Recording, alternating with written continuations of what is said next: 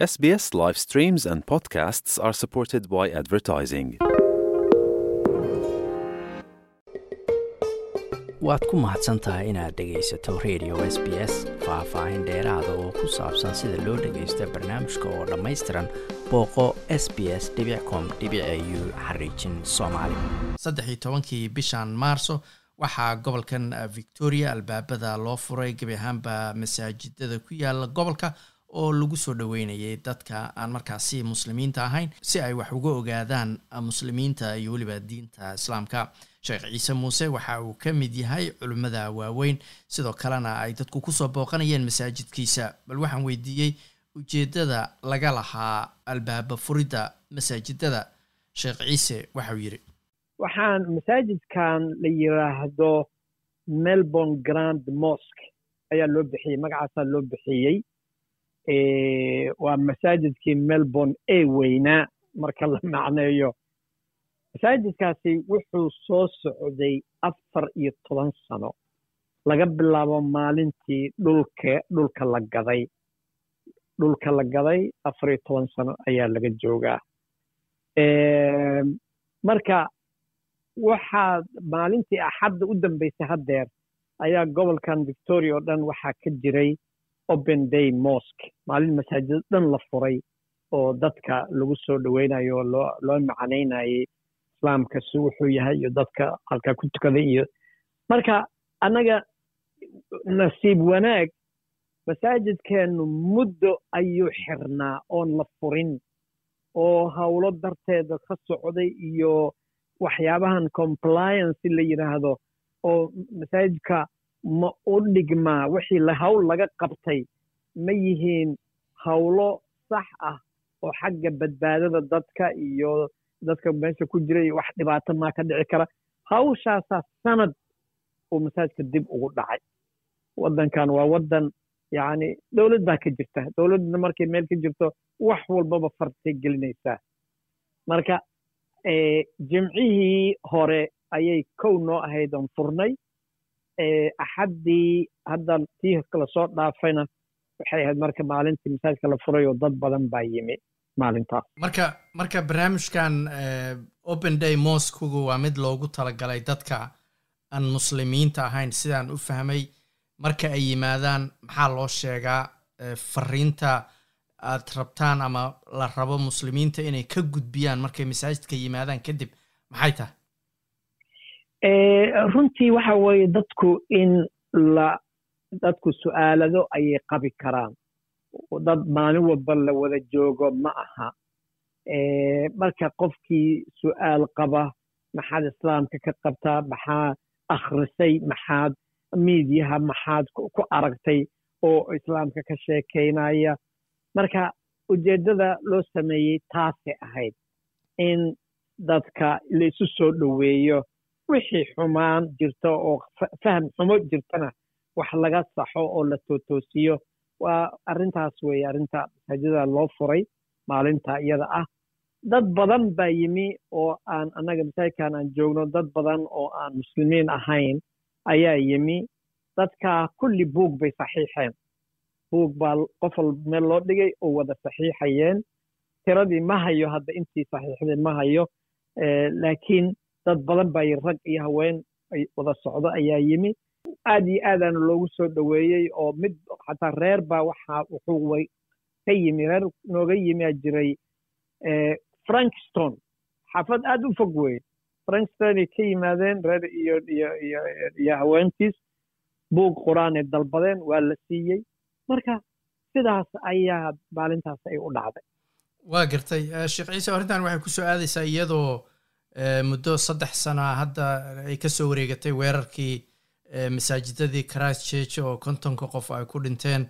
Waxaa soo baxaya warbixino leh islaam nacaybku australia uu ku sii kordhayaa marka arrimahan oo kale in dadka loo furo masaajidyadu ay soo booqdaan oo dadka ay la hadli karaan arrimaha noocaas oo kalea wax ma ka qabanaysaabay kula tahay? Waxay ila tahay horta waddankan aan joogno gobollo badan weeye. Dadkuna isku mid maaha ani waxaan aaminsanahay gobolkan victoria in uu ka furfuran yahay gobollada kale. Inuu yacni xagga dadka inuu fahmo oo dad la sheekaysto oo su'aalaad saxa waxwa laga weydiiyo iyo waa gobolka ugu furfuran weeye. Marka wayna jirtaa oo de hadda waddankan dowladda hadda haysata waa dowlad lagu tiriyo xagga midigta inay jirto ayaa lagu tiriyaa. Kolleyba gobollada kale ayaa waxaan is leeyahay xagga xagjirnimada xaggaasay u badan tahay. Laakiin maalin walbaba shay baa la qabtaa. In la furo sanadkiiba mar in masaajid la furo oo weliba lagu beegay hadda maalintii saddex iyo tobankay ahayd. Maalintii axaddii dhaweed saddex iyo tobankii march. Shan iyo tobankii march waa markii labadii kun iyo sagaal iyo tobankii marka uu sameeyey ninkii argixisada ahaa oo australiyaanka ahaa oo dadka magaalada christchurch oo dadka ku xasuuqay weeye. Marka in laysbarbar dhigo dadka sanad walbaba dadka wax laga weydiiyo laga sheekaysto waa waxbay beddelaysaa.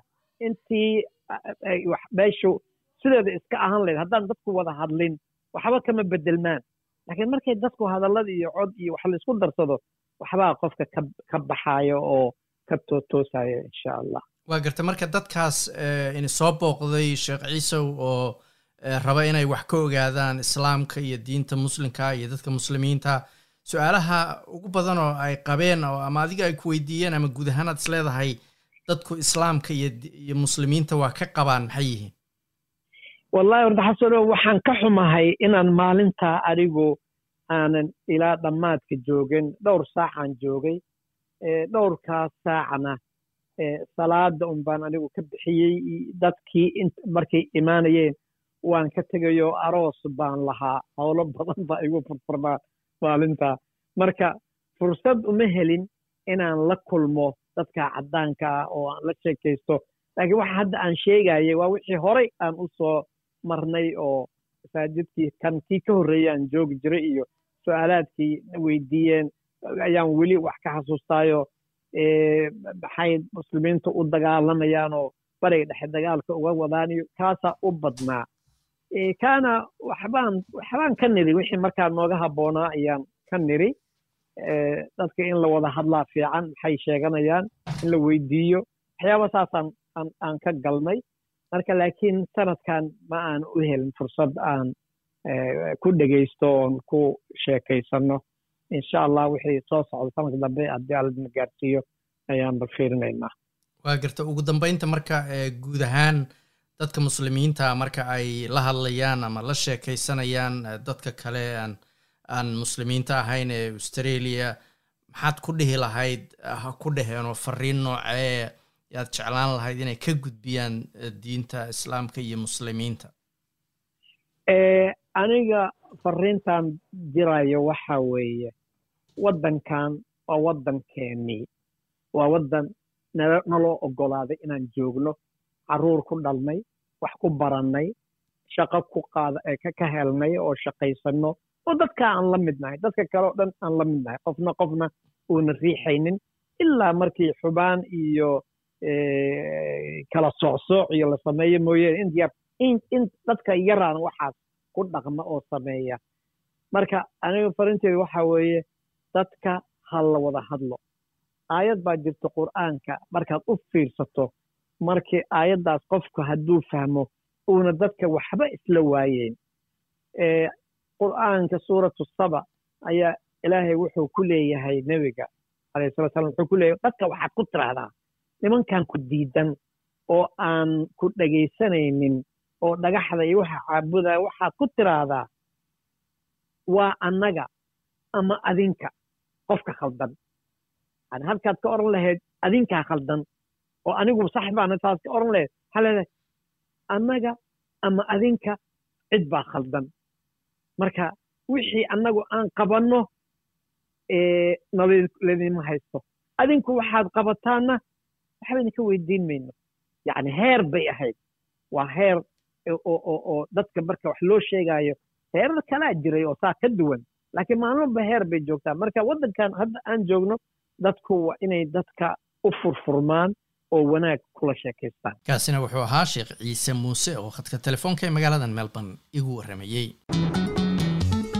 waad ku mahadsantahay inaad dhegaysato raadiyaha s b s. Toos u dhegaysa barnaamijka habeenada arbacada iyo jimcada tobanka fiidnimo ama kaga soo cesho website-ka iyaga iyo s b s radio app booqo s b s com au xariijin soomaali